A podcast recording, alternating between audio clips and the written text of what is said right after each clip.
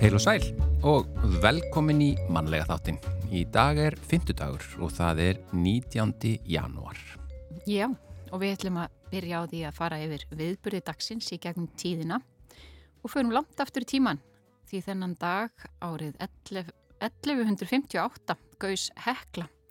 Það er annað gós í Heklu á sögulegum tíma en það fyrsta það sem raunframleiðsla áttur sér stað. Það er smá eldfjalla þema í þætti dagsins. Já, en við vorum líka að ræða bara á þennum fórum í lottið. Þetta með heimildinnar, hvort það hefði gerst nákvæmlega á þessum degi ára 1158. Emmitt. Eh, við skulum bara gefa okkur það. Eh, Þýskur tógari Frídrik Albert eh, strandaði á skeiðarársandi á þessum degi árið 1903. Mannbjörg varð en áhöfnin ráfaði um sandin í þrjár vikur og fórust þá þrýr menn. Ári síðar var fyrsta skipbrótsmannaskíli á Íslandi reist. Og árið 1955 leitt borðspilið Skrabul, dagsins ljós. Skrabl. Já, er það ekki bara á íslensku? Mm -hmm. uh, Indira Gandhi var kosin fósettisráð þeirra á Indlandi á þessum degi árið 1966. Og árið 1977 var snjókoma í Miami á Flórida í bandaríkjónum í fyrsta og eina sinn í sögu borgarinnar sem það hefur gerst. Já, þetta er bara alveg siðst á það... Þetta hefur verið svolítið sérstakt. Já, ég býst nú ekki við að snjórun hafi staldra lengi við þar. Nei, líklega ekki. En ég verið í efni þáttanins í dag. Já, Dóra Svavastóttir er matreyslumeistari og eigandi Kúlína sem stendur fyrir ímiskonar námskeiðum og fræðslu sem tengist matreyslu.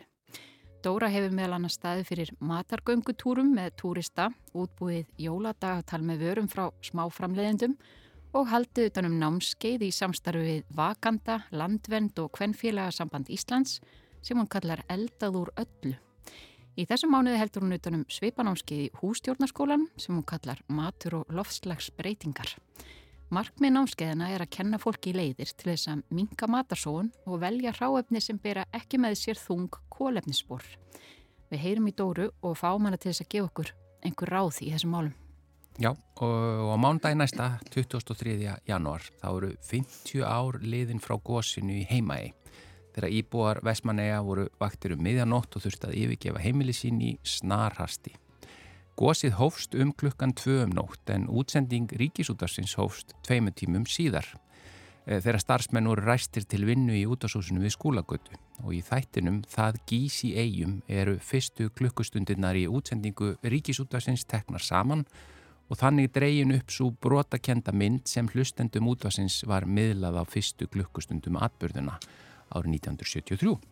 Og við ætlum að fá Guðna Tómasson sem hafi umsjón með þættinum eða hefur umsjón með þættinum til að segja okkur betur frá uh, þessum þætti og við ætlum að heyra uh, brot úr honum hér á eftir. Já, en hann verður svo frumfluttur meðanótt á mándag. Já, fyrst nefnilega mm. á sama tíma, það er að segja klukkan fjögur á aðfara nótt mándags mm -hmm. Og svo aftur um daginn ef, að, ef að það er ekki allir sem vakna klukkan fjögur. Það er kannski einhverjir sem að fristast til þess. Já. En á mánudaginn sögðu við frá því upphafi þáttarins um, þegar vorum að reyða upp sögudagsins að þann dag, 16. janúar árið 1947 hafi verið opnað talsíma samband millir Íslands og Bandaríkina í fyrsta sinn. Sigur Harðarsson, rafendavirki, heyrði þetta og sendi okkur hljóðu upptöku að þessu fyrsta talsímtali vestur um haf, auk kapla úr bókinni Rafendatækni í 150 ár, þar sem þessum viðburðið er líst. Og við höfum sambandi fyrir Sigurð og hann ætlar að koma til okkar hérna eftir og segja okkur betur frá þessu. Og við ætlum að heyra smá brota þessari merku upptöku frá árunnu 1947. Já, þetta bara hér á eftir en við byrjum á uh, lagi með Langasilla á skuggonum og þetta lag á nú bara þess að titill þessa lags á ágætla við núna. Já, það finnst mér. Lagið heitir bara Drullu kallt.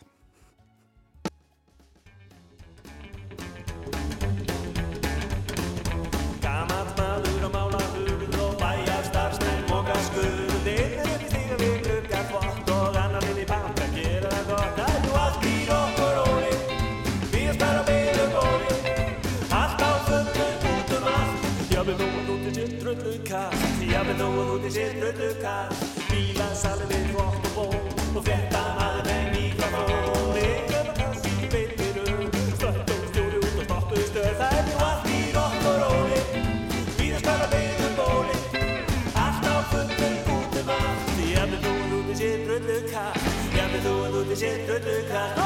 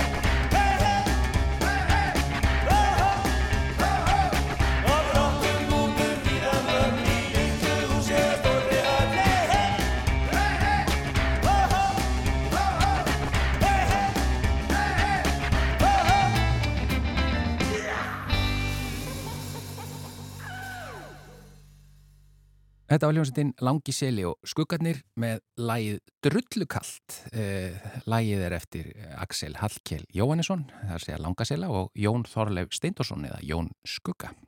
En við erum komið með viðmælanda á línuna.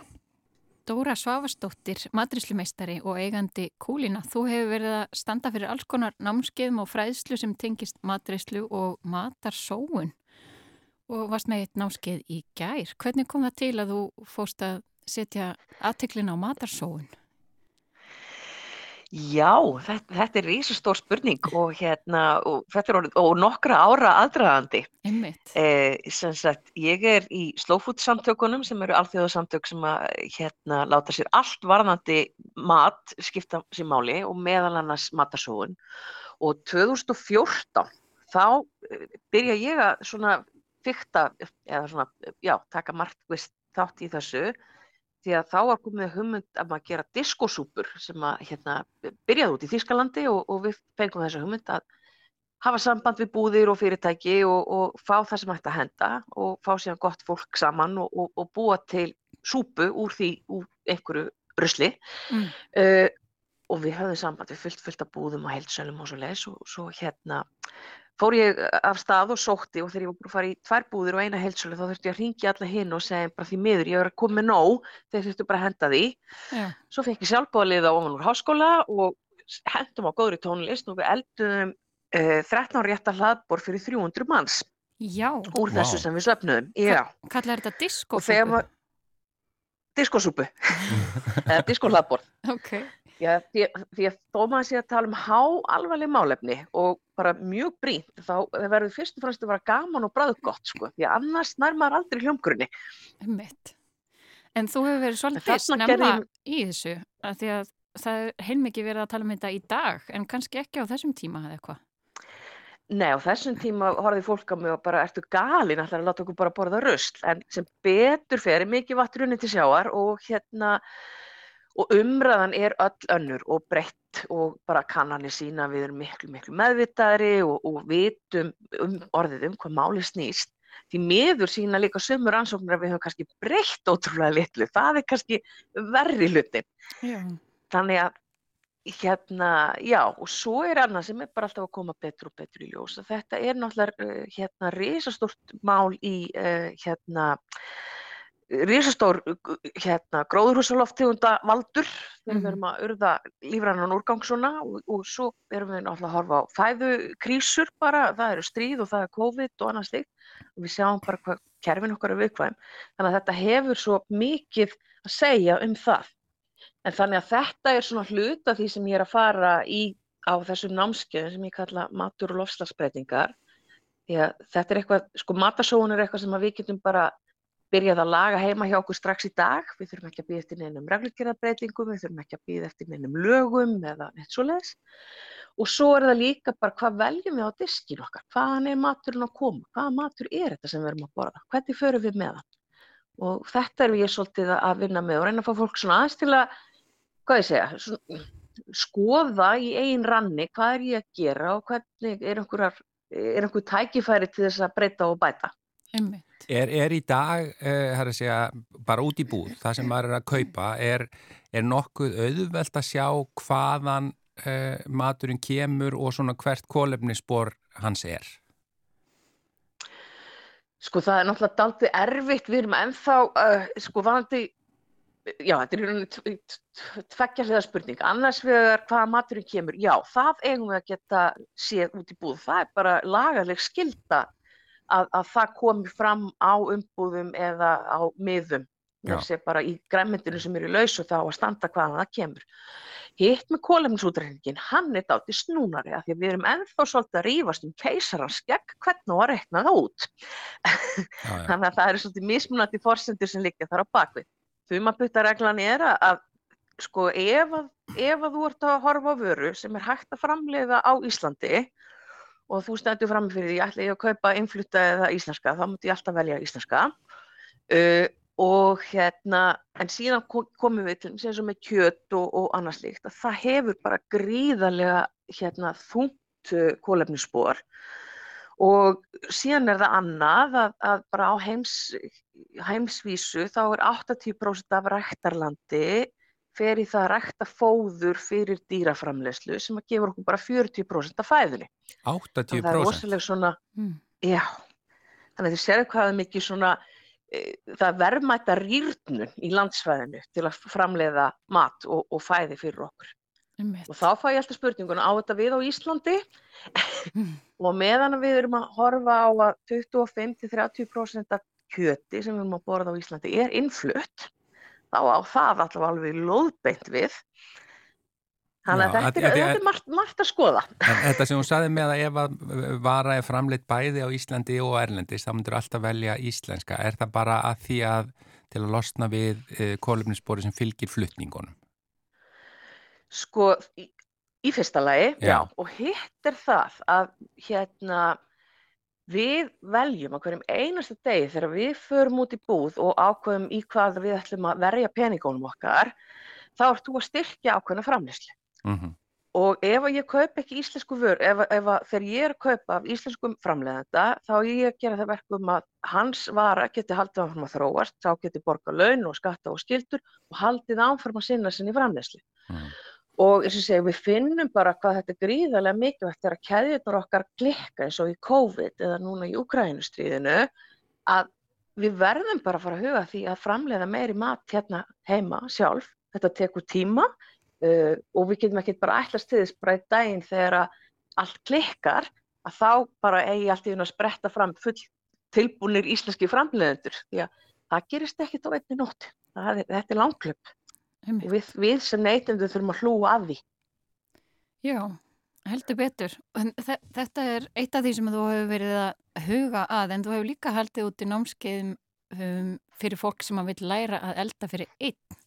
Ég hef oft hugsað það Já. að ef maður er einn þá freistast maður kannski til þess að bara fara og kaupa eitthvað, já, skyndibítamat eða eitthvað en okkur á maður frekar að elda þegar maður er einn.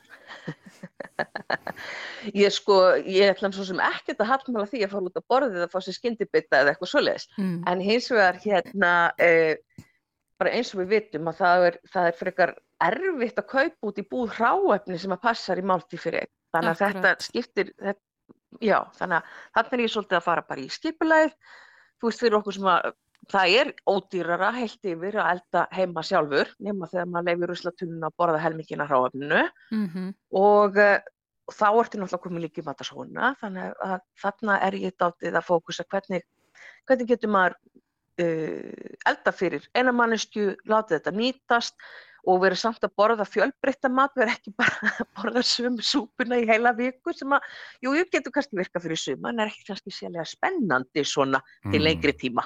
Já. Er þetta spurningum að virkja sköpunar gáfuna þegar maður opnar ískápin? Algjörlega og sko breyta svolítið hugsunarhættinum að þegar maður horfir á þannig að blessaði ískap sem er alveg tróðfullur og, og fullur af engu að hérna hugsa bara, heyrðu, hérna á ég fullt af ráefni í nýja rétti. Þetta er ekki afgangar, heldur þetta eru ráefni í nýja rétti. Hvað getur gert úr þessu? Hvernig mm. getur ég unnið þetta? Hva, hvað er hægt að fá hérna? Því að ef að við verum að henda alveg gríðarlega mikla mat sko af því einhverjum langar í hann. Það er bara sína rannsóknir og ég hugsaði oft út í það sko afur okkur og ömmur hefði bara býtum það matur sem þú ætti að henda því einhverjum langar ekki, það er bara, það er bara ekki bóði. Mm. Eh, en ef við hugsaum bara, herru, hér á ég eh, kjúklinga, hérna á ég hérna, fínt, fínt grammiti, ég get bara, við, ég get breytt þessu í súpu eða fyllingu í tortíu eða eitthvað allt annað heldur ég var með í gær. Þá bara langar mikið í það, jú, mjög langar í það. Svo er svolítið merkilegt uh, ég er allan átt á mig betur og betur á því þegar maður tekur uh, þess að bíti mat sem er svona eins og við kallaðum á mínu heimilu bara ískapshreinsun eða skáparhreinsun sem eru svona einmitt restanar allar. Yfirleitt er hann mjög góður. Við erum alltaf jafn, það kemur okkur alltaf jafn mikið óvart hvað eitthvað sem okkur fannst ekkit vera í ískapnum það bara, allt í hennu er bara askoti gott sko Já, og, og, og þetta er nefnilega líka sko að þú spekulerir í því, ég menna þú varst að elda eitthvað og, og það tók sinn tíma og svo setur ert að nota það aftur í, í, í hérna þennan tekið til í ískapnum rétt, þá ertu búin að, sko, þá ertu búin að verja alveg kannski fjóru, fimm tímum í að leifa þessum mat að matla og, og bröðunum að koma fram og þetta, þetta er langtíma, þetta er gúr með eldun í rauninni þegar maður hugsa um það þannig. Já, já. Mhm. Það er ekkert skrítið að þetta veri gott á bræði.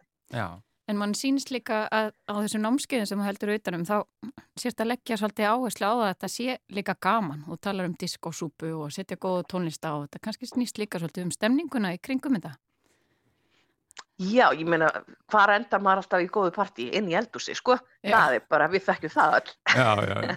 Einmitt. og, og hérna og það er bara held ég gríðarlega mikilvægt þú veist, þetta, þetta er náttúrulega mjög stórt mál, lofslagsmálin og, og segi, matvæla framlegslan er ábyrg fyrir já, eins og segi, það er alltaf rífist um skilgreiningarnar en það tala um 25-30% af, af losu gróðrúsloftundir í heilsinni er út af matvælaframlegslinni Mhm. þannig að þetta er rosa stórt mál og þetta er brýnt mál og við verðum að stíga inn í það hvað sem er heima hjá okkur og hvað þá sérstaklega við fagmennir og eh, en ef ég er eitthvað að stend hérna og benda á okkur putta og skamma ykkur út í því óhendilega það breytir engin hegðun sinni að þetta þarf að vera gaman og þetta þarf að vera bræðgott og, og, og bara þessi virði að fara í þetta ferðalag að reyna, já, verða svona meðvitaðar í neytendur og, og hugsandi, hérna, hugsandi borðarar, hugsandi sælkerar Mhm. og sem að leifum ekki ruslafötunni að vera neyslufrekasti aðilinn á, á heimilinu.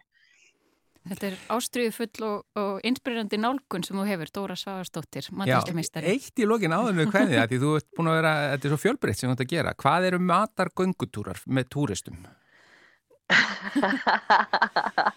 matargöngutúrar með túristum. Það er hérna, e, sem sagt, þá er ég að fer bara með útlendingar sem hafa keift sér ferðir til að, að kynnast íslensku, íslensku mat og matarmenningu og sem sagt bara hvað er í gangi í dag og þá fyrir við að borða á svona fjórum, fimm mismunandi stöðum og fjórum klukkutímum, röspum um bæinn og skoðum alltaf þessa helstu staði hérna í miðbæ Reykjavíkur og, og setjum svo niður og borðum góða mat á fjölbreytta máta ekki bara hákalla harfisk, jú, vissulega líka, en líka bara gúr með lamb og, og frábæra gremmitisrétti og, og fleira. Er þetta fólk sem er að koma bara alveg sérstaklega til Íslands? Er þetta, er þetta alveg bara matartúristar? Uh, það er, uh, sko, það er að aukast. Ég, ég hef bara gert þetta, sem, það er vinkunum mín sem er með litla ferðarskristofu sem hefur uh, sérhæft sig í matarferðum og ég hef dottið inn í þetta með henni. Og, hérna, og það er alltaf að aukast að fólk vilji nálgast þetta svona og líka þegar við erum að ferðast, við förum eitthvað út þá förum við að borðum eitthvað uh, sem er lokal vegna þess að það er svolítið saga þjóður, það er saga hvernig fólk lifði af, hvernig uh, hvernig býr fólk, hver er menningin, hver er kúltúrin, af hverju er þetta svona það er Mhm. nákvæmlega sama á við hér og við hefum bara vera svolítið stolt af því og ekki bara þorrabakkanum okkar heldur bara ráðseglunni og, og hugmyndaaukinni í, í, í fólkinu bara að gera fjölbreyttan mat úr, já, oft á tíðum ekkert fjöl, ekkert hérna, ekkert risastóru hráðum, svo úrvali sko. Akkurat. Við getum haldið því áfram. Já, Dóra Svavarsdóttir, Algjörlega. maturíslumeistari og eigandi kúlina og bara allt mögulegt, það er svo margt sem þú hefur verið að gera. Þakka þér innlega fyrir spjallið. Herri, takk sem við leiðis.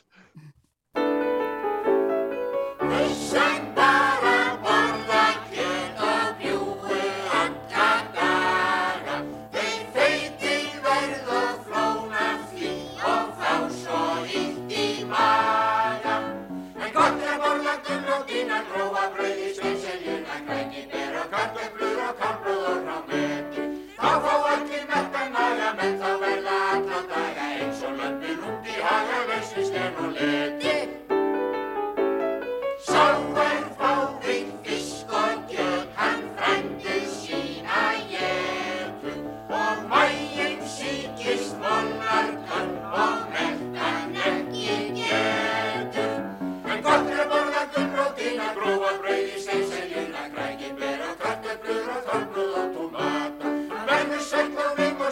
Vina margur heitla drúður og fær heilar hvita tennur, heilsum á einn glata. Grammetis vísurnar úr dýrunum í hálsáskói eftir Torbjörn Egner, textimar eftir Kristján frá Djúbalæk. Já, þetta átti vel við eftir spjallið við hana Dóru. Eh, En hingaði komin félagi okkar, Guðni Tómasson, blessaður og velkomin í mannlega þátti. Já, það er með sannur heiður. Já, og það er hérna á aðfaranótt mánudags, eða þá eru 50 ára ekki satt síðan að gósið í eigum hóst. Jú, heima í agósi, það hefst nokkurn veginn svona 1.40 að, nótt, að nóttu, sam, samkvæmt svona, já, Wikipedia allavega, Já, já. það er erfitt að, nákvæmlega að tímasetja svona viðbörð. Já. En um, svo hefst klukkan fjögur, eða rétt um klukkan fjögur, þá kemur þulur á vakt Pétur Pétursson Já. í útásúsinu við skólagötu og fréttamenn restir út og það hefst bein útsending alveg um fjögur Já, og sem betur fyrr þá er á vakt einhver snillingur, einhver tæknimaður ónefndur Já. sem að setur af stað segulband tekur allt tekur saman upp. upp fyrstu klukkustundina Býtu, var það semst ekkit endilega gert á Nei, þessum tíma? í fyrsta lagi voru var engin nætuvakt Já, já, já, já. Og í öðru lagi þá var ekkit verið að taka út dagskrána alltaf heila Já. segulbundin voru svo dýr að það var alltaf verið að grísja segulbundin já, og setja aftur í umferð einmitt. en þarna hefur einhver vitaði að setja spólu á tækið Já. og taka upp dagskrána nokkurn veginn frá klukkan fjögur nokkra myndri yfir Já. og til tíu um morgunin sko, það eru 50 ár síðan þetta, og, og það hafið þetta verið 40 ár og 30 ár og 20, þannig að það hafi verið gerðir alls konar þættir um gósið og, og alla eftirmálan og allt það. Já. en nú er, eh, var ákveð að fara þessa leið Eh, Já, við prófum það sko bara til þess að, að, að í rauninni sjóða saman þessa fyrstu fimm tíma nokkurn veginn frá, frá fjögur til níu niður í klukktíma Já, þannig að við fáum sem hlustendur fáum svona svolítið bara stemninguna eins og hún var Já. á þeim tíma. En það þarf að klippa mikið eins og, eins og skiljanlega. Já, og við ákvaðum síðan í bara svona til gamans er þetta alvarlegt mál og var ekkit grín á sín tíma. Mhm. uh, sem betur fyrir var gott veður í eigum og það er óvissan er mikil. Maður heyri það hann bara í byrjun á fyrstu spólu að þeir hafa nokkurn veginn ekkit í höndunum. Já, þrátt fyrir að, að síðu tveir tímar tveir og hálfur leðnir á Einmitt. góðs byrjun það er símasambandi til eiga það er einhvern veginn rofnar að stórum hluta vegna þess að fólk er svo mikið að ringja milli húsa í eigum já, já, já. Þannig að óvissan er svo mikil og, og almannavarnir er að senda frá sér tilkynningar og þetta myndin verður svo hægt til einmitt. og við erum að reyna að draga þetta saman í klukkutíma og láta fólk fá tilfinningu fyrir tímanum og þá er maður þetta aldrei heppin vegna þess að þölirnir í gamla daga sem að þarna koma á vakt, það er Pétur, fyrst að Pétur Pétursson og svo Jón Múli, þeir eru alls svo duglegir að segja hvað klukkan væri Já, og já, það sem ég geri er að bú- búa til smá svona hljóð-effekt inn á Já. milli sem að kemur áður en sagt er hvað klukkan er. Þannig ég er að draga saman og þannig að fólk fái tilfinningu fyrir framvindunni sem byggist hægt og rólega upp. Svo er þetta daldi skemmtileg svona hérna, tilfinning fyrir tíðarandanum. Já, það er svolítið annar taktur í bara frettaflutningi, eða ekki? Tölvert annan taktur. Þetta er einhvern veginn miklu meiri ró yfir þessu. Þrá- Þrátt fyrir að þetta sé náttúrulega dramatískasta gos 20. aldarinnar Mm. nánast onni byggð Já, þá er róin svo mikil og líka í fólkinu út í eigum. Við skulum kannski fá eitt brot, já, fyrsta brotið, það sem er ringt í húsfreyju þarna út í eigum, fjóra barnamóður. Hvernig er veðrið hjá okkur? Gott, Það virkilega gott. gott veður, já. Já, Það bjargar miklu. já. Þetta- nú, nú verður spilja á þakinu, ég veit ekki, kíkt út til mig.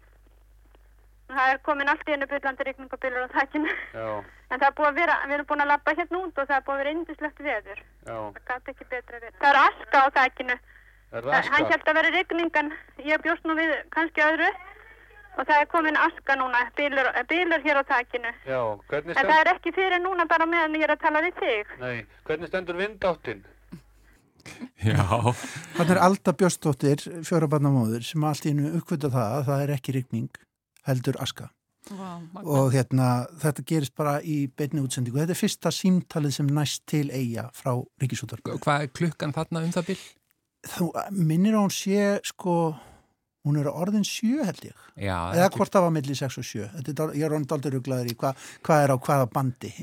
en það byrja bara svona að spjalla eins um veðrið já, svona. já, þetta er reyndar ekki alveg bláu upphafið, ég greip það inn í þetta, en, en einhvern veginn róin, í, svo er farið, svo eru menn auðvitað, fréttamenn sendir til dæmis til þólásafnar, til þess að ræða við fólki sem er að koma í land þar, að þetta er ótrúlega afreg að ná fólki svona snemma til lands Og hefni að, Heppni. að skipin voru í höfn og veðri gott og veðri gott, já. og svo er verið að lenda flug, flugvélum þarna á flugbrautinni í Vestmannum og það er nánast byrjað að gjósa inn á brautina sko.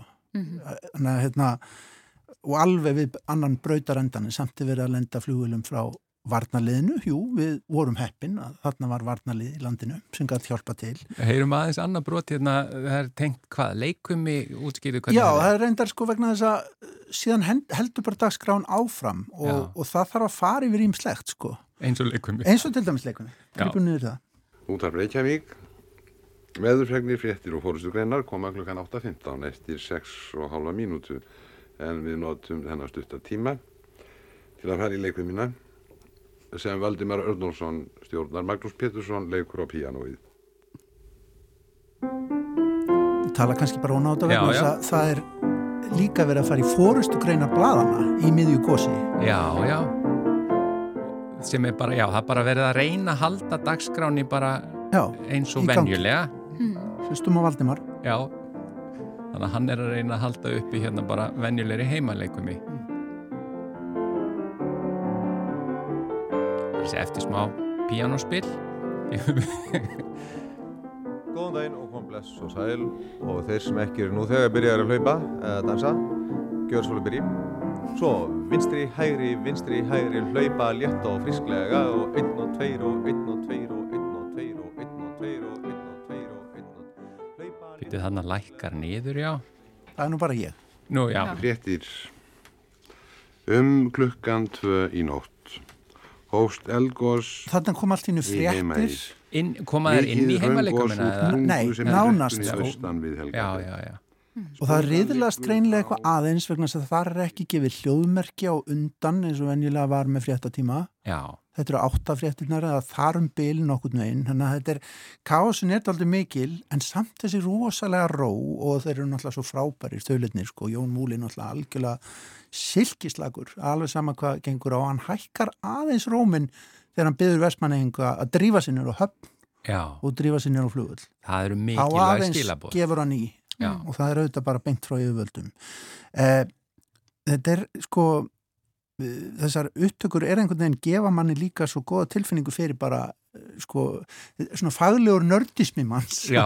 Hann fær svo mikla útrás í Sem fjölmiðla Já, hver, hvernig, hérna, hvernig menn töluðu í útvarpið, hvernig rithmin var allt annar, hvernig svona e, samsetningar og þagnir og annað slíkt var auðvitað er ég að klippa þetta allt í spaðin en Já, það er já. bara til þess að hjálpa hlustendum að ná þessu nýri klukkutíma hérna, mynd e, svo eru auðvitað stjörnurnar sem Já. eru í svona eldgósum og það eru jarfræðingarnir Já, og það næst í það Átni Gunnarsson fer til eiga og talar svo við Sigur Þóransson sem var náttúrulega bara jarðfræðinga stjarnar 20. aldarinnar. Mm. heyrum aðeins. Árni Gunnarsson fréttamaður en nú væntanlegur hann tekur nú til máls. Já, góðan dag. Nú gerist allt í hennu mesta flýti hér hjá útvarpinu en það er auglust ekki margir vaknaðir í Reykjavík til þess að hlusta á hvað við ætlum að segja núna 17 mínútur fyrir 6. En uh, við erum komnir hérna, nýkomnir frá Vestmanna Eyjum, Sigurður Þórainsson og Björn Pálsson. Björn má ekki bjóða þess sæti hérna, hinum megin við borðið, það svo vel. Og það eh, þarf ekki að reyna að lýsa því sem að fyrir augun bar en ég held að það sé flestum hlustendum mestur fróðleikur í því að heyra hvað Sigurður Þórarinsson segir um það sem þarna er að gerast. Sigurður, hvernig vildir þú lýsa þessu gósi eða þið tveir? Já, gósi sem slíkt er eh, dæmigett sprungu gós og er sjónlega eh, mjög svipað og gósin sem við tekjum frá þessum slóðu núna frá 63 til 67 að öðru leitin því að þetta er eh, að heita má allt á þurru landu og er þess vegna reynd flæði gós, þetta er sprunga. Við höfum ekki almenlega átt og hefur eitthvað til að mæla hvað Já, hún myndi verið reynd 1,5 km lengt 1,5 km lengt Þannig heyrir maður eiginlega kannski fyrsta svona smá fátið eins og í byrjunum á þessu viðtali hafa verið að koma öllu fyrir sem maður hefur eflust ekkit eh, hlustendur hafa ekkit heyrt kannski hverjum degi einhvað svona Nei smá fát. En fátið er bara alltaf öðruvísi en það er í dag. Já, Það rólegra. er einhvern veginn rólegra. Það er svo yfirvegað. Já, Já. og, og, og, og auðvitað, sko, þegar Pétur mætir á vakt, þannig um fjögur og segurbandið er sett í gang, þá er það sett í gang bara í miðju orði, það er alveg í blábyrjun á þætt, þættinum og þá heyrir maður að hann er nú andstöttur, sko, hann Já. er aðeins búin að hlaupa. Hann hefur verið að hlaupa. Já. En, en auðvitað, þetta líka gefur manni smá myndaði hvað, hérna, hvað viðbrað var í gangi hjá Ríkisútarpinu sem auðvitað gengdi svo miklu hlutverki, maður heyrði það líka á þessu viðtölum sem að nást til eiga að það er fólk að hlusta eftir fyrirmælum að hvort það er að fara að koma sér að stað og hvernig það er. Það er ringt í húsmóður, það er ringt í lækni og svo er ringt í flug, flugvöllin. Það er ekki mikið meira sem næstan út í eigar akkurat þarna á þessu tímanbili. En svo er líka fjölmörg önnur skilabóð, það er verið að breyta skólaplönum í bænum vegna þess að skólan taka móti fólki sem að kemur til lands. Það er verið að breyta strætisvagnarferðum, þeir eru að senda bíla hérna austur á þólasöpt til þess að ná í fólkið og, þannig, og svo er verið að til dæmis hætta, fyrst er fólki sagt að fara og leita ættingi sína upp í skólunum, Mm. svo er því allt í einu snúið við vegna þess að þá er allt í einu þeir sem er að leita af ættingum sínum í skólanum farnir að vera fyrir. Já, já, já. Þannig að að þetta er bara verið að spila þetta eftir eirannu. Já, og auðvitað er kannski almannavarna kerfið ekki eins svona háþróað eins og er í dag og líka tempóið í, í fjölmiðlunum nokkuð, nokkuð annað. og ekki sömu leiðir til þess að eiga samskipti náttúrulega. Nei. En þá, þátturinn er á dagskrá klukkan þrjármyndir við tvö á mánudaginn en hann er fyrst fluttur eh, segðu aðeins frá því Já, hvað- við ákvaðum að að flytja hann klukkan fjögur um nótt þegar að dagskráin hefst uh, þá, þá er klukkan fjögur um nótt og við einu sinni bara ákvaðum að bara til gamans að hérna frumflytja útvarsrætt um miðanótt Já, Þannig að á aðfaranótt að- mánudags. Já, þeir sem eru vakandi að fara nótt mánudags klukkan fjögur, þeir bara kveikja útvarpinu eða bara vakna sérstaklega en síðan hefði náttúrulega hinn hugmyndin bara verið að setja alla fimm spólunar á og spila það bara hver á eftir annari sko, Alveg í frá rauntíma. klukkan- Já, frá fjögur til tíu Já. en það hefði nú kannski verið svona doldið já, full mikið. Þarna förum við þess að leiða að reyna að fá tilfinningu fyrir því hvernig morgunin líður um, auðvitað er þetta miklu gistnar allt saman og miklu svona rólera en það er í þessum þætti Mhm. en það er nú aðeins líka bara til gaman skert að fá tilfinningu fyrir þessu viðbræði. Já, ég er nú nokkuð vissum að það er ábyggilega einhver, einhver sem að munu vakna um nóttina bara til að fá svona fílingin. Sko. Já. Já. Mér döð langar til að Já, gera það mér langar sjálf. til Ef, þess. ef að fólk er að vera í flug allavega þá Já. er Já, það getur svona verið. Já, já. Gott á leiðin út á keflaðeg. En Guðni Tómasson, þakka er innlega fyrir að koma og segja ykkur frá. Þetta er sem sagt það gís í eigum uh, í tilefni, það eru 50 ár liðin frá því að gósið heima í hófst. Klukkan 14.03 á mánudaginn og það er að segja fyrst klukkan 4 á aðfaranótt mánudags hér á rásett. Takk fyrir.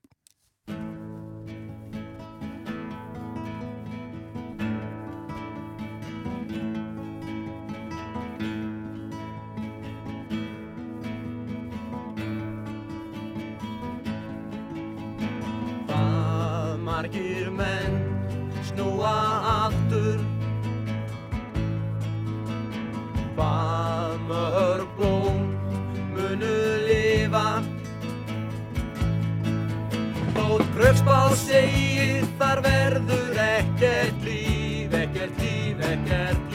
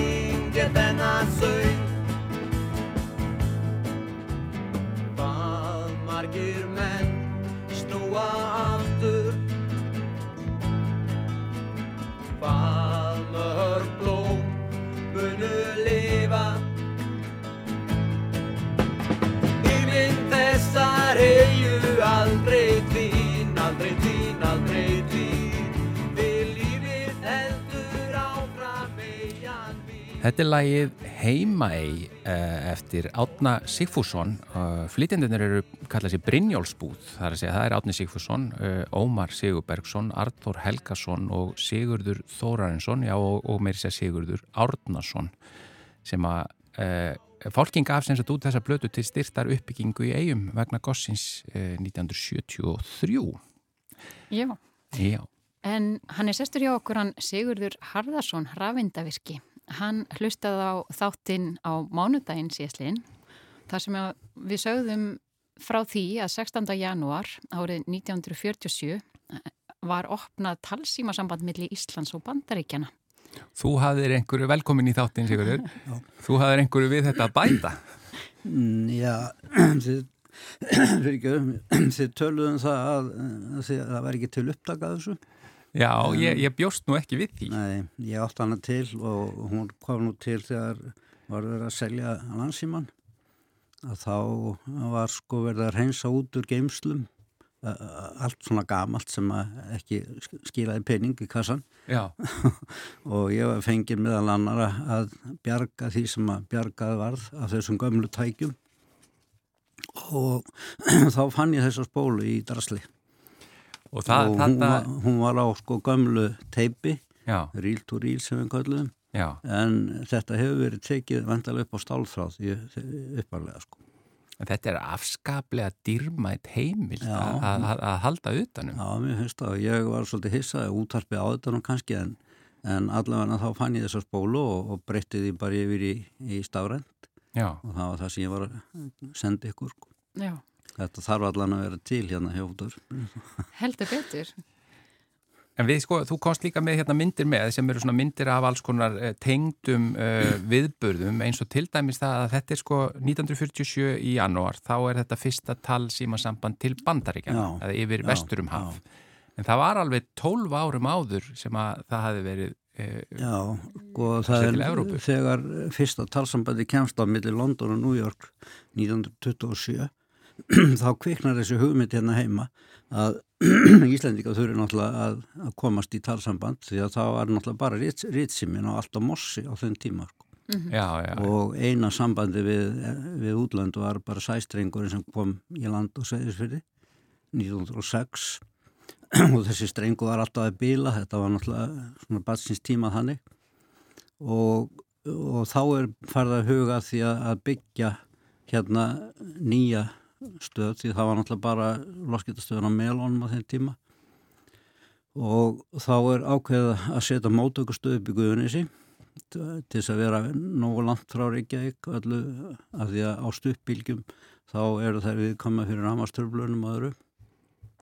Og, og til þess að geta verið um svona tvílega samband sem eins og símin er þú ert með sendíku og viðtöku í gangi á sama tíma að þá þurftu sendarnir að vera annar staðar þannig að það er byggt hús upp á upp í Guðunissi undir mótökustöðuna og annað hús upp á Vassenda rétti á Lambylgistöðinni fyrir sendana og svo er bara símalínur á milli sem að flytja talið. Þannig að talið yfir hafið, það er bara þessi, þessar bylgjur. Já, það fer á stöppbylgjum. Já, það er, það er engin sæstrengur eða Nei, slíkt, já. nei, nei og, og, og það er semst hlustuninn er upp í Guðunissi og sendingin er á Vassenda Já. og það þarf að vera ákveðið bíl á milli tvekja tíðna sko, þannig að það blandist ekki saman og ákveðin fjalla á milli senda, þetta eru öflögi sendar.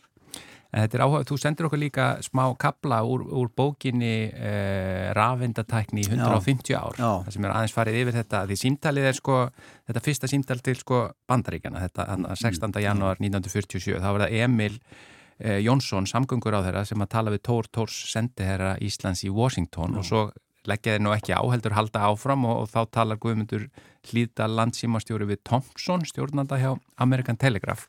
Heyrum aðeins þessa upptöku að því þetta er svolítið þetta er, það er skemmtilegt að hlusta á þetta. Það er ekkit sérstaklega það- efnismikið samtal Það, það hafa verið góð skilirði sko og þeirra var valið tíðnusvið sem var svona li- litla tröflanir inn á.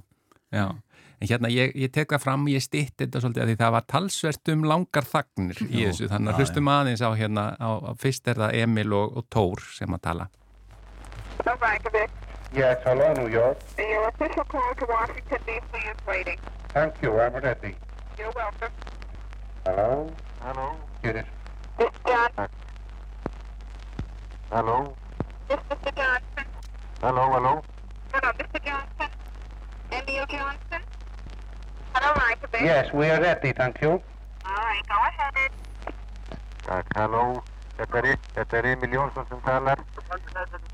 Kontu sæll og blessaður. Ánægði með þetta heyra til þið. Mér, þykir vænt um það og mér langar til að nota þetta tækifæri þegar að sambandið er opnað að byggja þig að flytja öllum aðilum sem er að þessu máli standa vestanhafs mínar bestu hverjur og þakkir fyrir að tekist hefur að koma sambandinu á. Líkaði fyrir ég skal gera þannig ánægði. Getur við finni ákvæðin tíminn verður stöðin opnin? Ögnablík, ég ætla að það sé á milli, milli 14 og, og 17. 14 og 17? 14 og 17 eftir íslenskum tíma. Já. Nú, uh, uh, það er ekkert í almenna fréttum að við getum talað um. Ekkert. Hello? Hello, Mr. Thompson is waiting. thank you. Go ahead, please. Hello? Hello, Mr. Lydell. Hello, Mr. Lydell, this is... go on, Mr. Thompson. How are you today? Oh, thank you, quite well, Mr. Thompson. And you? Svona var þetta, það var kannski ekkit verið að ræða alveg heimsmálin og svona aðeins bara að sambandið sé gott og, og ég skal, skal aftur tekið fram, ég stýtti síntalið talsverst en ég menna þetta hefur verið auðvitað svo ótrúleg bylting Já. að, sitja bara í sikkori heimsálfunu og tala Jú, saman. Já, já, og það var náttúrulega trí- stríði sem hefur tafið það að samband við bandaríkin því senkaði sko. Já, 35 náttúrulega er næst samband við Danmörku og, og London. Já. Mér er þess að Danakonungu talaði á íslensku við að 35. Já. Kristján tíundi var það ekki, ég, ég, man ekki, ég var reyndar ekki fettur þá sko.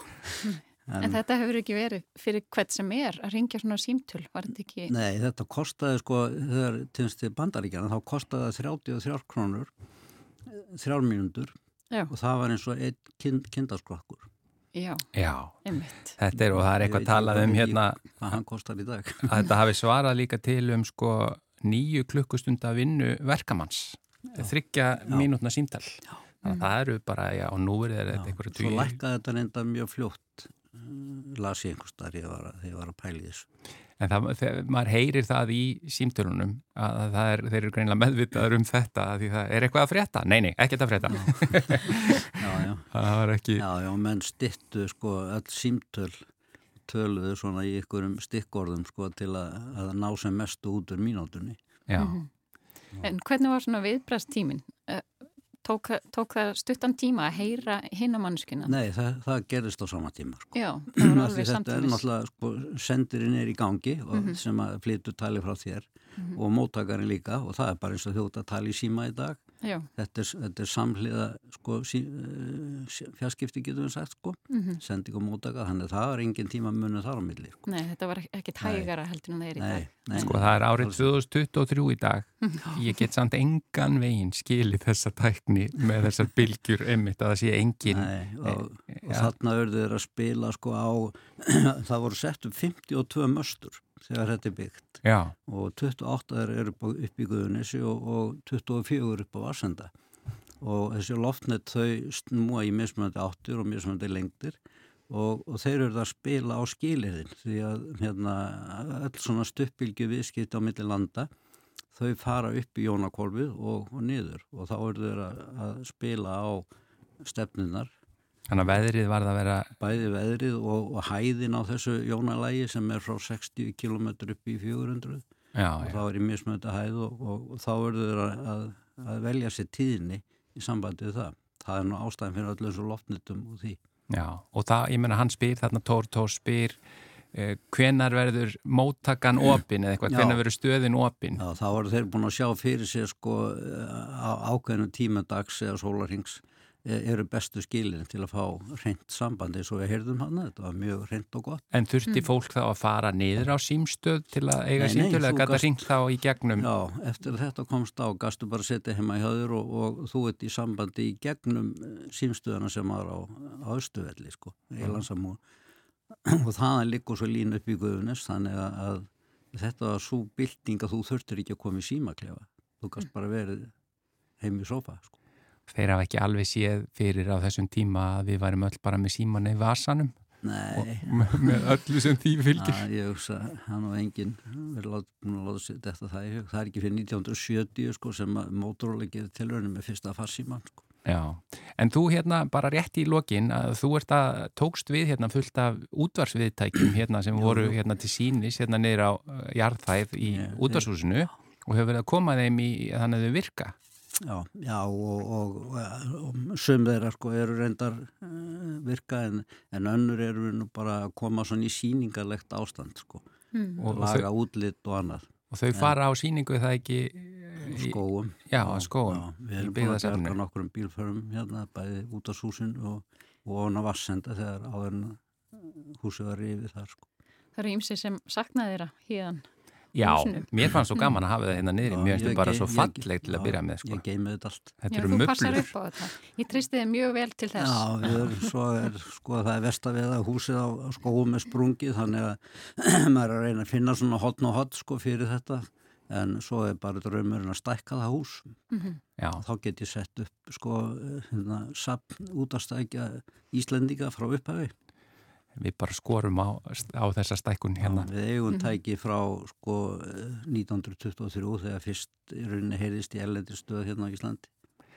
Þetta eru Þetta gríðarlega er breytti tíma sko dýrmætar líka heimildir. Já, nú sendum við sko níu, rúma nýju miljónir SMS geita á ári Íslendingar Já. og, Vá. og það eru 500, yfir 500 sæstrengir í hafinu millinlanda Þetta, þetta breytist rætt en Sigurður Harðarsson Heldur rafindavirki þakka þér innilega fyrir að fræða okkur meira um þetta fyrsta talsíma samband vestur um haf. Mín var ánægjan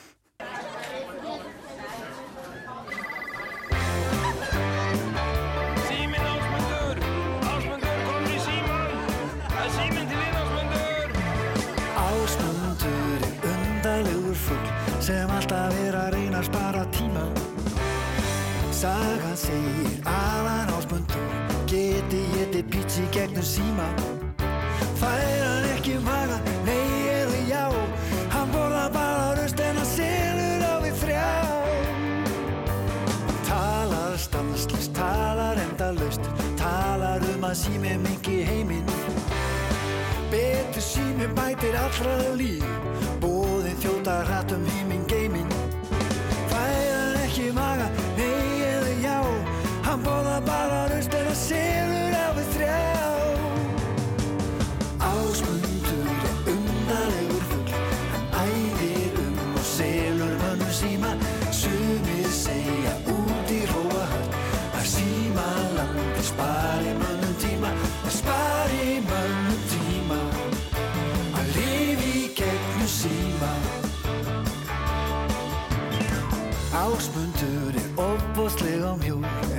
En örbylgjurnar halda á honum hýta Hann nærist ekki nema á hraðri ferð.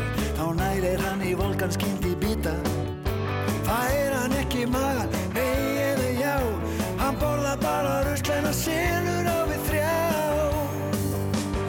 Ásmundur er aldrei sambandslaus. Hann elskar það að ringja úr styrstu baði hann dottar, dreymir hann um það Að dempa sér í söluferð með hraði. Fær hann ekki magan, nei eða já Hann borða bara rusl en hann selur á við þrjá.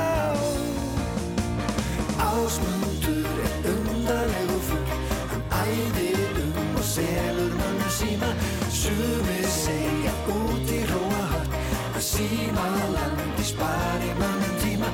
Spari